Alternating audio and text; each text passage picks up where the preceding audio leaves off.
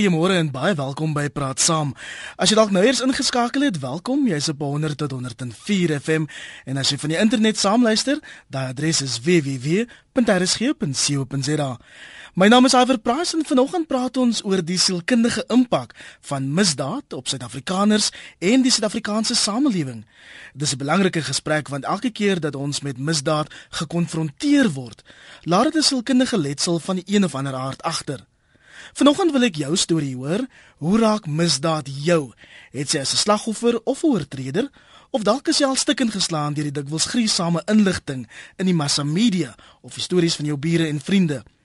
My gas vanoggend telefonies is Christian Besaidnout, 'n professor in kriminologie by die Universiteit van Pretoria. Môre Christian. Môre Christian. Lyk my Christian is nou daar. Môre Christian. Môre Iwer, hoe gaan dit? Lekker man. Christian, daar is reeds 'n hele paar luisteraars wat op 3343 sê misdaad raak hulle nie. Maar die syfers in die navorsing sê iets anders. Ja, jy weet dit hang af wat se omgewing jy woon, geografiese omgewing speel 'n groot rol. Mense is uniek, jy weet, ons is verskillend. En uh, party ouens bou vir hulle so ek sê soos maar 'n 'n vals uh, sekuriteit om hulle en dit bedoel ek nou jy jy 'n uh, huis met hoë mure en 'n wagter is goed opgelei, jy het goeie diewering, jy het jy het, gewapende reaksie, jy het goeie versekerings, so dit skep vir jou 'n vals beeld dat jy in 'n redelike veilige kokon is en dit hang ook af natuurlik in die omgewing wat jy beweeg in die dag en in die aand. Jy weet dit dit laat mense sê maar daar's nie regtig 'n probleem nie, jy weet en ek dink baie van ons bevolkingsgroepe is bang. Ehm um, jy weet veral blanke mense, ek dink as jy kyk na die vrees vir misdaad, die tipe misdade wat spesifiek gevrees word is byvoorbeeld huisroof, huisbraak. Jy weet en ek noem dit in die volgorde soos die navorsing vir ons wys wat watter veroorsaak die meeste vrees? Roof op straat, dan moord en dan seksuele oortredings, veral verkrachting. So jy weet dit hang af watse populasiegroep jy is, dit het te doen met jou geografiese omgewing en dan na jou eie unieke individuele faktore wat daai gevoel van ek is okay, ek sal dit maak kan hanteer en dan natuurlik die media se rol en dan mense se eie denke daaroor dat misdaad is basies normaal. Ons het dit aanvaar. Dis deel van die Suid-Afrikaanse samelewing. Jou jou hele ding gaan elke dag, hoe gaan ek dit bestuur? As ek al hierdie goeders in plek gesit het, jy weet die veiligheid, teiken verharding by my huis, ehm um, die die film op my ruitte geplak het, laat hulle nie my ruitstuk inslaan nie. Jy weet ek ry 'n sekere roete, ek het 'n vuurwapen aangeskaf, het ek alles in plek gesit en ek het natuurlik my my peper uh, sproei by my, dan het ek alles in plek gesit om om om daai veilige skans daar te stel. Die probleem is dit kan enige tyd met enige persoon gebeur. Christian, kan dit wees dat ons misdaad as normaal begin beskou het? Met ander woorde as deel van die samelewing, 'n gegewe amper. Vra jy of dit 'n gegewe is dat ons dit so moet aanvaar? Nee. Ons moet want ons het so 2,1 miljoen misdade en hier is net amptelike misdade wat by die polisie aangemeld word en soos ons sê geverwerk of geprosesseer word deur hulle massastelsel. So 2.1 miljoen na weet rond uh, uh, afgerond. Van daai is so 800 000 misdade teen die persoon. Met ander woorde, iemand moes jou raak om jou selfoon te vat of in jou huis in te breek of te verkrag, moet te vermoor. Jy weet ons moordsyfers staan nog steeds baie hoog by 15609 uit die laaste jaar se statistiek uit. En as jy dit vat, is dit nog baie hoog. Jy weet dis hierso baie naby aan 30 uit 'n 100 000 mense wat as jy die statistiek afbreek na 100 000 van die populasie, toe is jou kans hier by 30 om vermoor te word. Jy weet ons word nog steeds beskou as die 9 negende mees moorddadigste land in die wêreld. Jy weet as jy kyk na motorkapings, ehm um, huisrowe, weet ons by ons het ons unieke goed soos plaasaanvalle en plaasmoorde, jy weet en ons het uh, winkelsentrums wat beroof word helder oordag waar hele bende sal ingryp. Hierdie goed gryp mense se verbeelding aan, maar ons het gesê ja, wel, dit het gebeur solank ek net nie iets oorgekom het nie. Daar's 'n proses wat plaasgevind het by baie mense wat gesê het, weet amper aanvaar dit, dit is daar, kyk wat jy kan doen om uit die moeilikheid uit te bly. Ehm um, en en ek dink daar's daar's 'n sielkundige proses wat wat plaasvind dit by baie mense wat ons sê dis 'n normale deel van ons samelewing want ons is so vuisfoos geslaan met misdaad en ek dink amper die regering se nonchalante uh houding oor dit om niks te doen nie dat die dat die mense maar uh, hulle eie gang gaan. En dit is nie net in die wit populasie of blanke Afrikaners nie. Dit het baie te doen in swart. Ek werk met swart weet groepe, ek werk met Indiër groepe, ek werk met kleerlinggroepe, Afrikaans en Engels blank, weet en en dan ook mense immigrante. Dit is regdeur, veral immigrante uit die uit die buurlande uit. Is verskriklik bang, jy weet daar's 'n verskriklike vrees Uh, jy onthou 2008, jy weet daai aanvalle met die xenofobie en so in, in totaliteit dink ek daar's 'n siege van aanvaarding. Vanoggend wil ons die gesprek fokus op die sielkundige letsels wat misdaad agterlaat en ek wil jou storie hoor op 3343 0891104553 dis ons nommer ons wil net weet wat met jou gebeur het ons wil weet hoe dit jou verander as mens en op die lyn is Henny van Brakpan Henny is geskiet en die sekuriteit gebel en hy sê dit het hom verander. Vandag is hy iemand wat 'n geweer dra. Môre Henny. Môre, word in jou gas. Ja, jy weet ek was se 2 jaar terug was ek geskiet. Ons het eendag by die huis gekom en ehm um, ja, ek was, ek was gelukkig om vandag te lewe. Maar uh, jy weet, as jy nou in die ander by die huis kom met ek my vuurwapen by my en hy hy's nie onder die sitplek nie. Jy weet ek het hom in my hand. My vensters is afgedraai, my safety belt is los. Ehm um, En ek daar baie keer as ek nou nie my vuurwapen met nie, as jy na 'n plek toe kan gaan wat jy nou nie 'n vuurwapen kan saamvat nie, dan bel ek van my sekuriteit, hulle wag vir my. Ek het kameras wat rekord, elektriese fence beams om my erf. Ja, dit, ek dink dit affekteer jou. Die polisie doen ab, absoluut niks omtrent die saak nie, jy weet. Ek meen ek het niks gehoor van hulle nie. Hulle het eendag daar gekom en die verklaring gevat en vra ek vir hulle, "Waarmee was ek geskiet?" Jy weet die ou nie is die kaliber van die van die pistool waarmee ek geskiet was nie, jy weet. En nie, uh, ja. Is jy gesinsman het het misdaad of die voorval ook jou gesin emosioneel beïnvloed?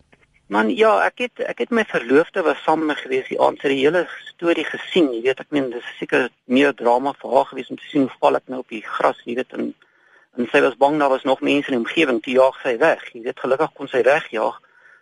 Ehm um, sy praat nie veel daaroor nie, maar dit dit moet haar seker affekteer, jy weet, ek meen in die ander vrae sê ek nou as hy toe gaan waar jy pistool, jy weet, het jy hom in jou hand, jy weet, daai tipe van goed sy bel ook maar die sekuriteit as ons huis toe gaan as ek nou nie saam met haar is nie. Baie dankie dat jy jou storie ja. met ons gedeel het, Henny. Goed, baie dankie. Jou reaksie, Christian?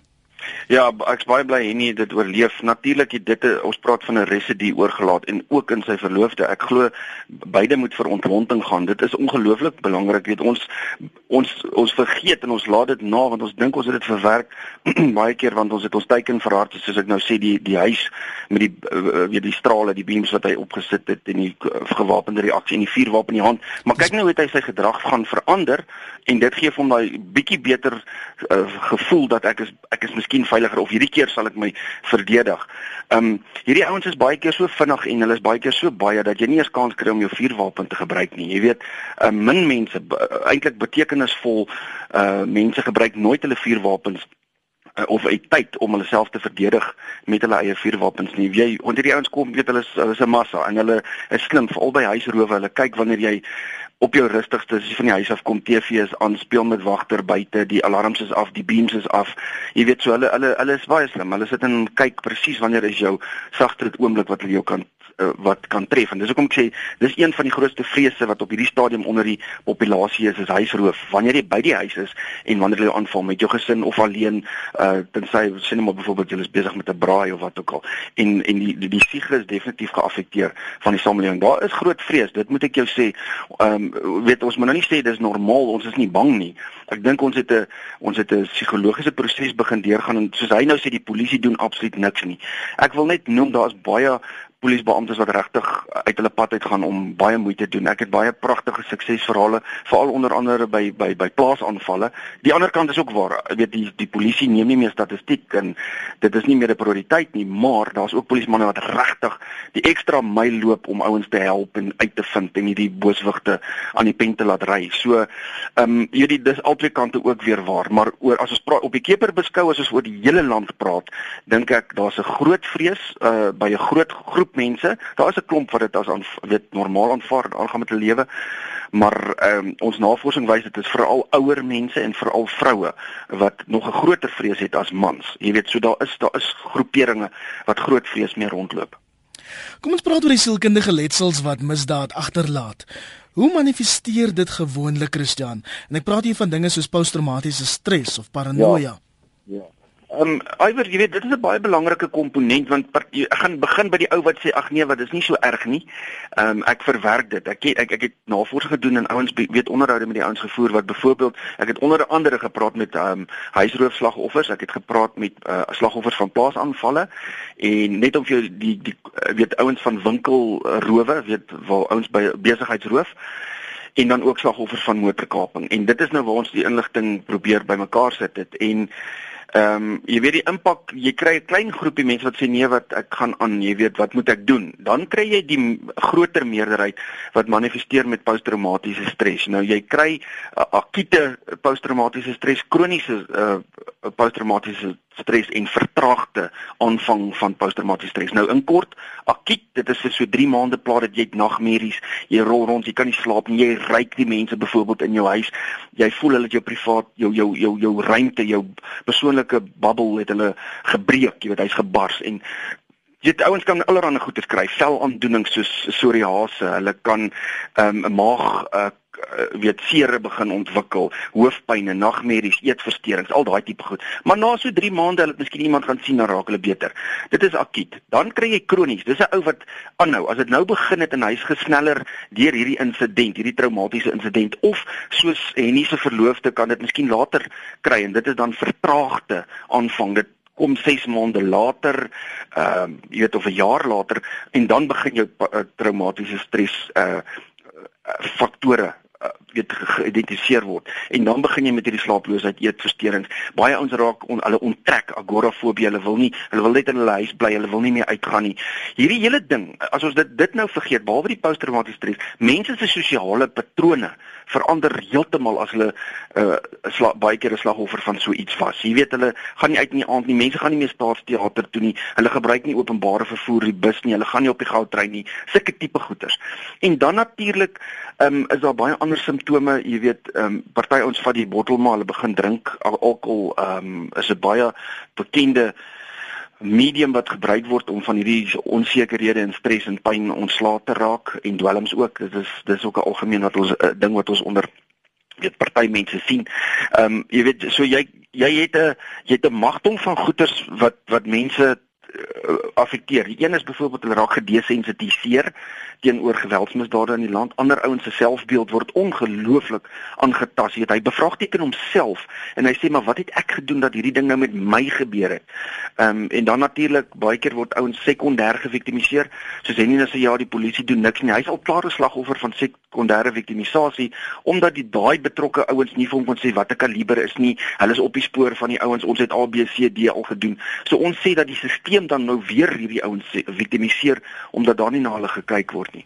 Baie ons begin met 'n 'n paranoia, 'n agterdog. Jy weet hulle is onseker oor alles. Hulle kyk om hulle rond. Hulle jy weet hulle voel net nie meer gemaklik. Ek noem dit die meerkat sindroom.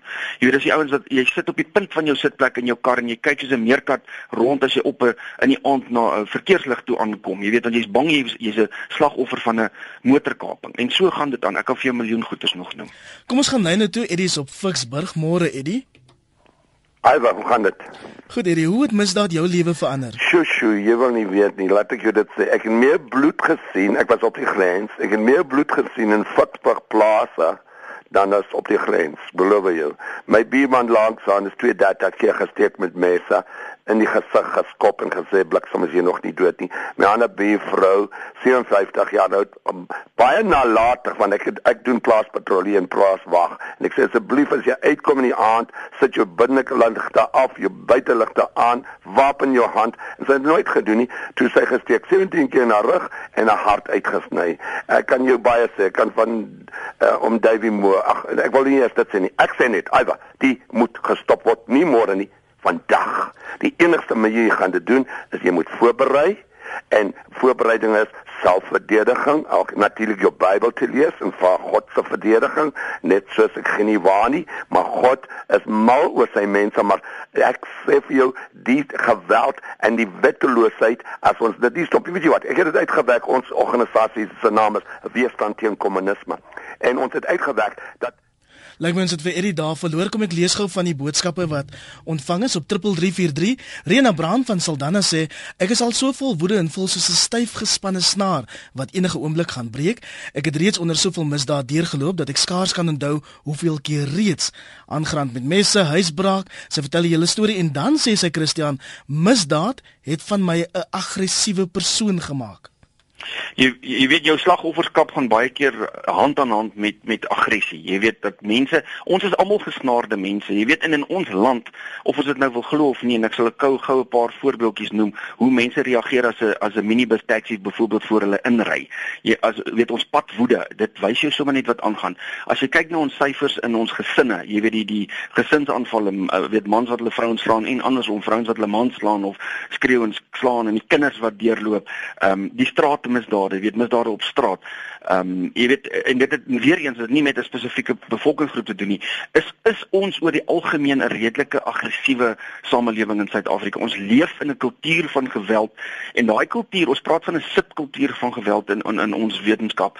En die subkultuur van geweld is is is onder ons almal hy hy hy hy soos hulle sê subliminal jy kan hom nie regtig sien nie maar hy is daar. En as 'n ou jou iets aandoen dan gaan jy terugreageer want geweld het 'n het ons praat van instrumentele geweld. Dit het 'n medium geword. Dit het 'n instrument geword om suksesvol te wees. So jou oortreder gebruik dit as 'n instrument om suksesvol te wees en die slagoffer raak aggressief want hy hy haat hierdie ouens. Hy hy het 'n wrok wat gedoen is. Hoekom het dit aan my gedoen? Ek het 'n lekker rustige lewe gehad En as jy nou aanhou 'n slagoffer weet uh, uh, uh, uh, geviktimiseer word oor en oor en oor, dan is dit eintlik half heeltemal 'n normale reaksie, 'n verdedigingsmeganisme om hierdie hierdie aggressie in jou te hê want dit is al hoe jy dit verwerk want jy jy jy's nou kwaad vir hierdie mense. En jy's kwaad vir die misdaad, jy's kwaad vir die regering, jy's kwaad vir die polisie. Um, niks word gedoen nie. En en dit is 'n ongelukkige uh, uh, aggressie wat in ons lê. En dan natuurlik ook hoe ons jong mense grootgemaak word vir al die seuns, die sosialisering Ehm um, ek dink veral ek sê dit in oop forums ook so dit is nie 'n politieke stelling nie. Baie van ons jong swart jeugdiges mans veral, jy weet ons eh, die die populasie besef nie, die die bevolking daar buite dat die die die risiko om 'n slagoffer van 'n geweldsmisdaad te word is die hoogste on, onder die swart populasie by seuns tussen 16 en 24. En die teenoorgestelde is ook waar. Hulle is ook die ouens wat die meeste hierdie geweldsmisdade pleeg jy weet tussen 16 en 24 is ook die hoogste uh, getal ouens wat hierdie geweldsmisdade pleeg. So dit sê tog iets dat daar onder ons bevolking 'n probleem is ten opsigte van om aggressie te gebruik en dan natuurlik die slagoffers wat dan normaal kwaad word en en jy weet hierdie hulle praat van jou frustrasie toleransie dis klaar daai jou frustrasies jy kan dit nie meer hanteer nie en dit sit baie keer oor in 'n aggressiewe of 'n wraakgedagte of woede 'n gevoel wat jy lankal met jou dra. Een belangrike ding wat ek wil net noem vir die dame wat eh, hierdie stelling gemaak het, is dat ons praat van die opwindingsoordrag teorie, uh excitation transfer theory. Dit beteken as jy eenmal 'n slagoffer was, dra jy 'n gedeelte, 'n residu van daai woede en frustrasie oor na 'n volgende insident toe en dan na 'n volgende insident toe. So dit bou op. En dis hoekom sy sê sy's 'n snaar. Ek wil haar sterk aanbeveel om iemand te gaan sien, miskien bietjie ontlonting te kry. Jy weet net dat ons daai snaar bietjie slapper kry. Het is in Pretoria en het jy sê mense moenie toelaat dat dit misdaad jou lewe verander nie. Ja, weet jy, ag ek het 'n uh, uh, uh, goeiemôre, dankie dat ek kan saam praat. Ek het verskriklik baie deernis met mense wie se lewe totaal verander het. Ehm um, ek my man is self 3 jaar gelede deur 'n gewapende roof in ons huis waar tydens ek verkrag en hy ontvoer is. En ons eintlik 'n storie van hoop want ons glo 'n mens um 'n mens herstel na die tyd het minder te doen met wat presies daai dag of daai nag met jou gebeur het as wat dit het met hoe jy oor misdaad gedink het, hoe jy oor jouself gedink, hoe jy God dink, hoe jy oor aanvallers en verkragters en rowers dink voordat dit nou gebeur. En ehm um, wat die kenner met wie jy nou gesels vanoggend gesê het, is so waar nog voordat so dinge ou tref het jy al 'n bepaalde houding. As iets al reeds met jou gebeur het, het jy 'n bepaalde ingesteldheid wat in 'n groot mate gaan bepaal hoe seer jy kry in 'n volgende insident. Ehm um, so as 'n ou voor die tyd 'n sagte hart het, jy weet en jy het 'n jy het verstaan dat dit die uh, rowers by ons kan vat is so tydelike goedjies en dat jy voor die tyd besluit het om nie vir jou tydelike goedjies te veg nie. Ehm um, dan is jou kanse ook daar om dalk 'n bietjie minder seer te kry. As iemand wat sê ek gaan aan al my aardse goedjies vashou, ek gaan hom my lyfie vashou. Jy weet wat ehm um, maar 'n tentjie is wat opgevou is, ek gaan dit wil. Jy weet so of 'n mens al voor met veg, ehm um, ek weet baie mense neem my kwaadlik dat ek nie vir my lyf geveg het nie, maar die resultaat is dat ek vrede het en laat ek slaap in die nag en dat ek nou met 'n hofsaak wat aan die gang is my verkragter in die oë kan kyk. Ehm um, wat 'n bietjie moeilik is om te doen as 'n ou jy weet as 'n ou die aggressiewe roete gegaan het en die selfverdedigingsroete en die bewapeningsroete. Weet ons het met baie mense gepraat wat hulle self verdedig het um, en wat nie kan slaap nie en wat beklei het en en en selfs hulle aanvallers geskiet het en wat nie kan slaap nie en ek dink dit sê vir ons is nie noodwendig of jy iets verloor het in die proses of jy sogenaamd gewen het nie. Dit gaan oor waar jou waar jou hart is. Jy weet en ons ons het daai nag vergewe en ek het ek kan maar sê vergeelik gesproke my verkragter onder daai bed gelos en en hom nie 'n dag langer met my saamgedra nie. Het jy hoe lank terug was ja. hierdie hoe lank terug was hierdie voorval? Dit was dit was 3 jaar gelede, maar ek en my man was daai volgende oggend gesond. Ehm um, As gevolg van glo ek 'n pad wat die Here al met ons gestap het voor daai nag. Oor baie dinge, baie voorbereiding, baie um denkskuive wat ons moes maak en ons was lank voor dit al by die punt waar ons alles wat ons besit op hierdie aarde weggegee het. Sodat um en ook geweet het 'n Christen mag maar slegte goed oorkom. Dit beteken nie die Here is nie lief vir my nie. Um ek mag op enige manier hanteer word op hierdie aarde en ek hoef nie my my guns by die Here of sy liefde vir my in twyfel te trek nie en ek hoef ook nie te haat nie want ek het my verkragter in die oë gekyk nie as 'n dier of as 'n monster nie um, maar as 'n mens wat die Here so nodig het soos wat ek hom het maar wat hom nog nie gevind het nie. Um, en ek het vir myself gesê ek is nog steeds na die verkrachting die gelukkige een want wat daai man by my kon vat as hy iets by my kon vat is regtig tydelik. Maar toe hy met my klaar was het ek nog steeds alles gehad wat ek gehad het voor die tyd en is ek nog steeds die een met die voorreg om te weet wat liefde beteken om te weet wat 'n gesin is om te weet wat vryheid beteken um iets wat iets wat my verkragter nou, nog nie ken nie Baie dankie dat jy jou besonderse storie met ons gedeel het, Hetty. Voordat ek weer by Christian uitkom, kom ons praat gou oor iemand met 'n teenoorgestelde ervaring. Ehm um, dis anoniem op Heidelberg en anoniem jy het kameras in in jou huis geïnstalleer. Ehm um, en as ek reg verstaan, was die voorval 20 jaar gelede. Ja. Ja, jong, ek is al uh en dis amper 21 jaar, ek is al 20 jaar op pensioen, ek is afgetrede bankbestuurder. En uh Hulle was sewe gewees. Drie is doodgeskiet, twee is gevang en twee het weggekom. Wat hulle nooit gevang het nie. Maar die gevolg is ek bly rondkyk en ek soos ek sê jy sê nou ek het die kamera voor die huis, ek het 'n sirener, ek het pepperspray voor my bed, ek slaap met die honde in die bed in die huis. Uh jy kyk maar altyd rond want jy weet nooit wanneer jy geskiet word nie. Baie dankie vir jou storie. Ehm um, jou reaksie Christian? Ja, ek wil net sê vir die dame, weet dit is fantasties dat hulle daai roete kon loop om te aanvaar. En dit is regtig die minimum mense wat dit reg kry om om so ver te gaan en so sterk te word, weet uit so 'n insident uit. Die meerderheid vind ons in ons navorsing, die meerderheid mense hou tog baie goeders oor. Hulle sukkel om dit verwerk te kry. Daar's 'n wrok en 'n haat wat ontwikkel.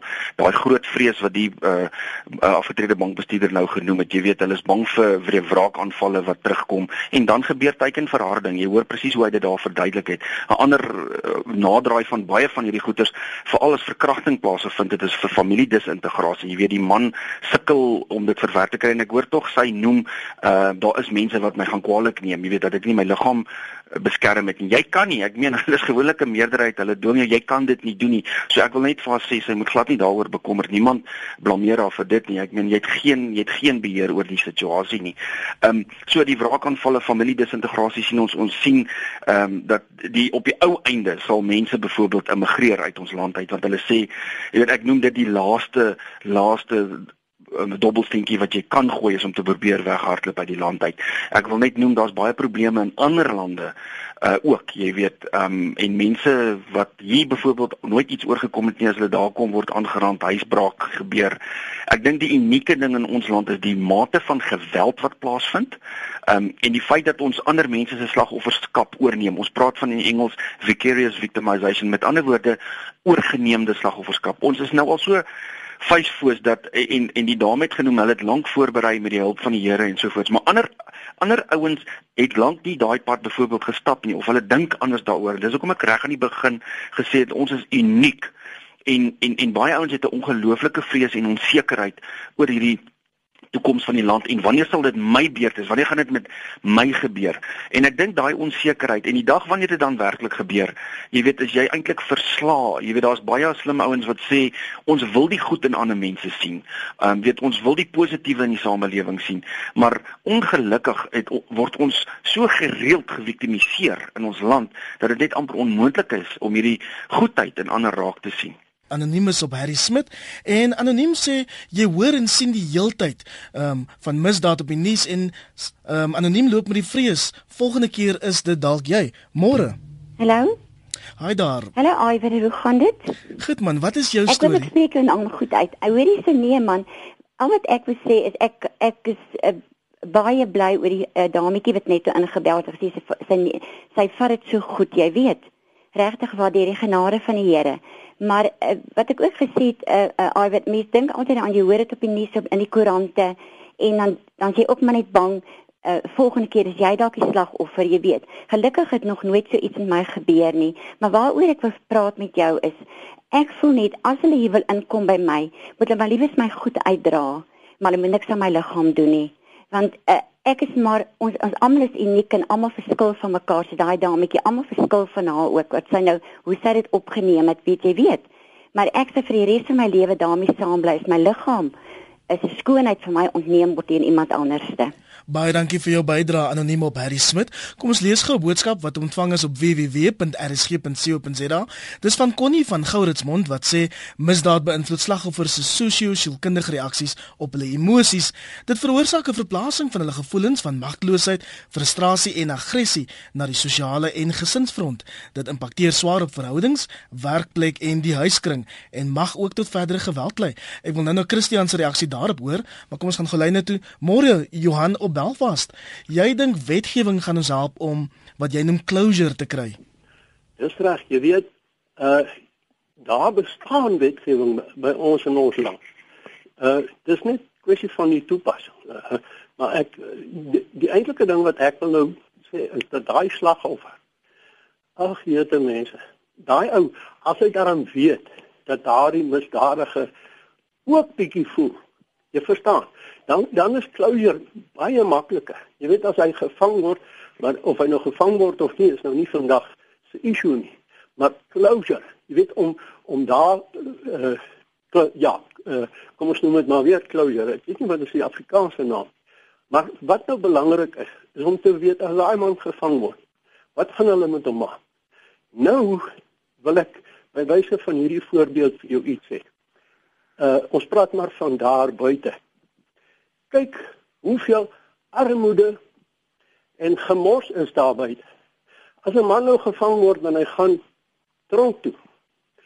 Ek vertel jou nou, dit gaan met hom in die tronk beter as in die townships. Jy verstaan? Of in uh, hier by ons in Belfast is blanke ge, uh, gemeenskappe wat net so sukkel. Ek praat nie van net swart of net wit. Maar nou, die laaste sinnetjie. Beyond the shadow of doubt. Dit beteken dat van 80 daar sal nie fout wees en die doodstraf as hy teruggebring word, gaan daai slagoffer sê, "Dankie Vader, hy het ook iets gekry want hy het my sielkundig, geestelik, emosioneel het daai man my vermoor." Kan hy nou tronk toe gaan? En nou praat ek nie van om sarkasties te wees nie, jy weet, so baie van ons mense sê, "Ja, dit is daar lekker in die tronk." Dit is nie lekker daar nie, maar dit is ten minste beter. As daar nie townships en daar waar 'n ou koud slaap, waar jy nie by 'n dokter kan uitkom nie, daar waar jy nie iets het om te eet nie. In die tronk kry jy nog iets en As jy my nog 'n minuut gaan uh nee, kan ek wil nou nie die, die storie lank maak. Johan, ek gaan jou ongelukkig daar moet sny die die rooi liggies flikker. Dit beteken as baie luisteraars wat vanoggend wil saampraat. Christian 3 uiteenlopende bydraes direk na mekaar. Jou reaksie ja. daarop. Ek sal gou-gou saam probeer vat almal van hulle laaste. Ons begin by die laaste. Ehm um, jy weet doodstraf is kontroversieel in ons land. Ek sal dit net eers daarop parkeer. Maar wat wel waar is is dat geweldsmisdadigers se kanse om weer terug te gaan en weer 'n misdaad te pleeg. Ons praat van residivisme bedoelende hulle val terug in misdaad in en dit is by 90% die syfer in Suid-Afrika. Met ander woorde, hy was in die tronk, hy het sy straf gekry. Die kanse as hy uitkom dat hy dit weer gaan doen is 90%. Dit het te doen met die omgewing, die die sosio-ekonomiese omstandighede, armoede, ondersteuning as hulle uitkom hierdie ouens, ehm um, die rehabilitasieprogramme is nie altyd 100% suksesvol in ons tronke nie. Ehm um, en dit hulle is ook nie dieselfde tipe goeders nie. Jy weet hulle word verskillend toegepas in verskillende tronke. Met ander woorde daar's 'n probleem met rehabilitasie. Party ouens uh, en 'n groot aantal van ons ouens het antisosiale persoonlikheidsversteurings en meer so uh, primêre psigopatiese eienskappe en as jy 'n psigopatiese eienskap het soos jy leer nie vorige ervaring nie, jy het, jy jy het, jy het geen empatie nie, jy's egosentries, jy gee nie om oor ander mense nie, jy leer nie uit vorige ervaring nie, help rehabilitasie niks nie. So dit wil ek net noem vir baie van hierdie geweldsmisdadigers. Oor die persoon wat wat vir jou op die webwerf geskryf het oor die sosio-psigologiese oordrag, dis wat ek van daai opwinding oordrag teorie wat ek in kort vinnig wou noem ons ongelukkig ehm um, dra residue van wat gebeur met jou na jou werk toe, na jou familie toe. Jy weet en baie keer die die woede en die aggressie en die jy weet jy hierdie onvergenoegdheid waarmee jy rondloop is die mense die naaste aan jou ongelukkig die ouens wat baie keer die slagoffer is. Dis jou vrou en jou kinders en wagter en jou uh, uh, nabye familie. So ongelukkig is dit baie waar dat hierdie oorgeneemde slagofferskap al was jy nie self eers 'n slagoffer nie, hierdie vuisfoosheid wat ons ervaar van geweld en en die die, die, die subkultuur van geweld in ons land dra daartoe by dat mense dit ongelukkig terugvat werk toe, terugvat in die strate en dis ook al gesê van die die ehm um, uh, padwoede en mense wat uitgaan sien maar na 'n sportwedstryd toe. Jy ou net iets verkeerd sê. Jy het gesien onlangs die vuisgevegte by die by die um, stadions en sulke tipe goed. Mense is is gesnaar.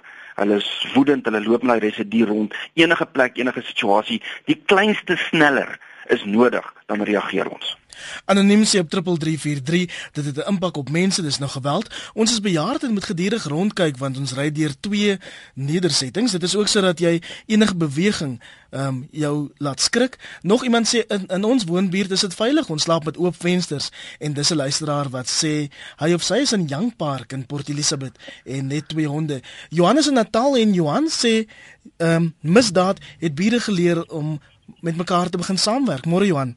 Môre Iver, weet jy wat ek sit en luister vanoggend, maar daar's twee dinge wat bekommer. Dit is asof mense hierdie situasie bloot net wil aanvaar. Jy kan dit nie aanvaar nie want dit gaan jou uitmergel aan die einde van die dag. My opinie is daar so 3% ouens in hierdie hele land wat hierdie land in 'n wurggreep van misdaad wil probeer hou. Kom ons begin praat liewer wat gaan ons daaromtrent doen as wat ons praat wat het 'n invloed op my gelot. Die invloed moet wees wat gaan ek doen? En hoe gaan ek optree? Eerstens, 'n krimineel is 'n is 'n is 'n is 'n bankgat. Hy is bang, hy is skrikkerig, party van hulle rook hierdie ander twak wat hulle so sterk maak soos 'n Boeing. Maar dit help hom niks as jy as jy wakker en paraat is en doen wat jy moet doen. En voorsorg tref. Maar dan wil ek ook sê pas op, jy kan maar alarms installeer en goeders installeer as jy as persoon nie wakker is en weet wat om te doen en watter omstandighede nie, gaan dit nie werk nie. Raak betrokke by jou polisieforums Die polisie wil iets doen, maar die polisie kan niks doen as hulle nie inligting kry nie. Ons ken die situasie daar. As ons hierdie ouens se hande gaan vat en begin sterk maak, kan ons dit kan ons dit maar los. Invloed op my gesin, my gesin het begin betrokke raak. Hulle raak paraat, hulle het begin kyk hier om hulle. As die hond blaf, steek jy nie die kop uit die uit die venster en skreef om voetsek nie. Jy gaan doen jy gaan kyk, maar jy doen dit op die regte manier. Baie dankie. As ons maar net ons grondgebied terugvat, dis al. Baie dankie vir jou bydrae. Onthou jy is welkom om 'n tweet te stuur aan ZARSG of aan Iver Price, jy spel dit I V O R P R I C E en jy is ook welkom om 'n boodskap hier op Facebook te stuur. Daai adres is www.facebook.com vorentoe skuinstreep ZARSG. 'n Groot reaksie op 3343, heelwat luisteraars wat nog wil probeer bel en Christian, ek moet vir jou sê, dit lyk vir my of baie Suid-Afrikaners baie kwaad is. Ehm um, Dis altyd net so 'n bietjie te aggressief ons misdade, 'n bietjie te griesaam. Is daar verskillende soorte aggressie? Ja, verseker, jy weet die ou wat in die gang sit en weier om te gaan, jy weet 'n sitstaking. Hy's passief direk aggressief. Hy slaan nou nie vuis nie, maar hy weier nou dat die prosesse voortgaan. Jy weet jy kry ander ouens wat uh reg in eie hande neem, weet uh, ons ons sien nou weer sy kop uitsteek hierdie ou sogenaamde informele uh, howe of die kangaroo courts onder veral die swart bevolking in Suid-Afrika. Ouens is net moeg. Jy onthou destyds Mapogwa Matamaga wat ook 'n geweld weet slaan hom in die sambok om om weet uh, om by hom 'n bekendheid te kry, jy weet amper 'n marteling. Maar uh, wat ons in die, wetenskaplik moet na kyk is twee goeters. Ons praat van ekspressiewe aggressie en instrumentele aggressie. Nou ekspressiewe aggressie ehm um, is byvoorbeeld waar daar 'n liefdesdriehoek, die ou stap in sy huis en hy sien sy vrou of meisie of verloofde by sy beste vriend. Hy gryp die broodmes en hy steek hulle altyd. Dis instrumenteel. Ons kan daai goed nie sommer voorkom nie. Dis dis baie moeilik. Jy weet dit het baie te doen met jou emosionele uh gevoelens en en hoe jy weet reageer op dit. Dan instrumenteel en dit is wat wat met by ons ter sprake is in ons land instrumenteel as jy gebruik geweld om iets te kry. Met ander woorde, ek het die mes in my hand. Hulle praat van die wapeneffek. Die ou wat die wapen in die hand het, het die beheer oor die ander persoon, die slagoffer. En instrumentele, hulle gebruik geweld om te kry wat hulle wil hê, jou TV, jou kar of wat ook al. In baie ander lande, al wat hulle doen is hulle dreig jou en vat wat hulle wil hê. In ons land en dis die unieke punt wat ek dink die groot kommer vir ons ouens is, is die feit dat hulle marteling gebruik. Daai dame wat net nou gesê het ja, maar hulle kan net tot by my huis kom sodra hulle lank hulle net alles uitdra en nie my menslikheid, weet of my menswees aantas nie. Dit is wat nie gebeur in ons land nie. In die meeste huisrowe, plaasaanvalle. 'n Gemiddelde huisroof hardloop vir enigiets van uh, 1 en 'n half uur tot 3 ure want hulle weet hulle bly in jou huis, hulle weet hulle dit beplan. By plaasaanvalle hou hierdie goed tot 6 ure aangemiddeld en hulle martel die mense. Hulle sleep hulle agter die voertuig aan, hulle hak hulle aan vleishakke, hulle skiet hulle kinders voor hulle dood. Jy weet daar's verskriklike goed wat gebeur. Hulle martel die mense. En die vraag is in As jy nou die instrumentele geweld gebruik het, ek het die vuurwapen of die mes, vat my TV, my kar en loop. Hoekom die marteling, die onnodige geweld toepas op daardie mense? En dit is baie interessant. Ons vind as ek hierdie ouens vra, hoekom het julle die ouens gemartel? Hulle sê hulle Hulle het nie eintlik gedink om dit te doen nie, maar toe hulle op die toneel kom, toe eskaleer die aggressie. Toe die een ou weet hulle gewoonlik in die groep dinamika, die een ou is 'n leier, hy slaan die ou, die volgende ou skop hom, die volgende ou gaan haal 'n tang en trek sy tand of breek sy tand uit. Kook water, gooi dit op die persoon. En dit eskaleer en so gaan hulle aan, soos die ander ou nou gesê 82 keer gesteek in die kop geskop. Dit is en dit is on, ons verstaan nie hoekom hierdie mense en dit na, dit is 'n 'n woede, 'n frustrasie. Jy weet die plakkerskampe, daar's nie geleenthede in ons land nie. Jy weet as jy ons na ons staatsdiens kyk, hy's 3 keer groter as wat die Amerikaanse staatsdiens is. Uh, en die Amerikaners is 313 miljoen mense. Ons is rolweg 50 miljoen mense, maar ons staatsdiens is 3 maal groter. So hulle moet tog hierdie goeders kan implementeer. Die wet is daar, die konstitusie sê duidelik in artikel 12.1, jy weet almal het die reg op uh, dat jy beskerm word op veiligheid, reg tot vryheid, maar hierdie goed word nie toegepas nie daar's vir my daar en ek dink daar lê 'n groot woede in ons in ons populasie. 0891104553 ons sê môre aan Kobus en Seepunt. Kobus, jou seun sukkel om aan die slaap te raak na misdaad. Ja, môre Iver, ja, ons is eintlik in Kuilsrivier, ons hou 'n bietjie vakansie in Seepunt. Uh net gou uh, kortliks twee opmerkings oor Hetty. Uh mense moet baie mooi luister na Hetty. Uh Hetty is die gospelsanger Louis Brits se se vrou en uh ek kan dit maar met groot vrymoedigheid en met groot respek sê, het hy gaan om by gemeentes en uh, sy deel haar getuienis met mense. Uh wat Cornie gesê het ook wonderlik. Maar wat ek wil sê is elke situasie is uniek en anders, anders gevolge, anders optrede. Maar dit is so, jou krag en genade by die Here. Dit is maar wat 'n mens moet soek daarin. Dat ek ook gehoor wat Johan sê en die regstelsel is nogal 'n uh, ander uh, instrument wat uh, ons baie kere dalk 'n bietjie oor twyfel en 'n bietjie wonder oor en uh, die toepassing daarvan. Maar kom ek sê vir jou wat met ons seun gebeur het. Hy was in die uh, FSA vir by twee geleenthede gewees. Die jaar toe die ekonomie geval het. Toe was hy daar gewees. Hy sou vir 9 of 10 maande gegaan het toe het hulle na 7 maande teruggekom en die hulle die Suid-Afrikaners teruggestuur. Het toe tot die volgende jaar weer gegaan en hy was toe op 'n plaas gewees.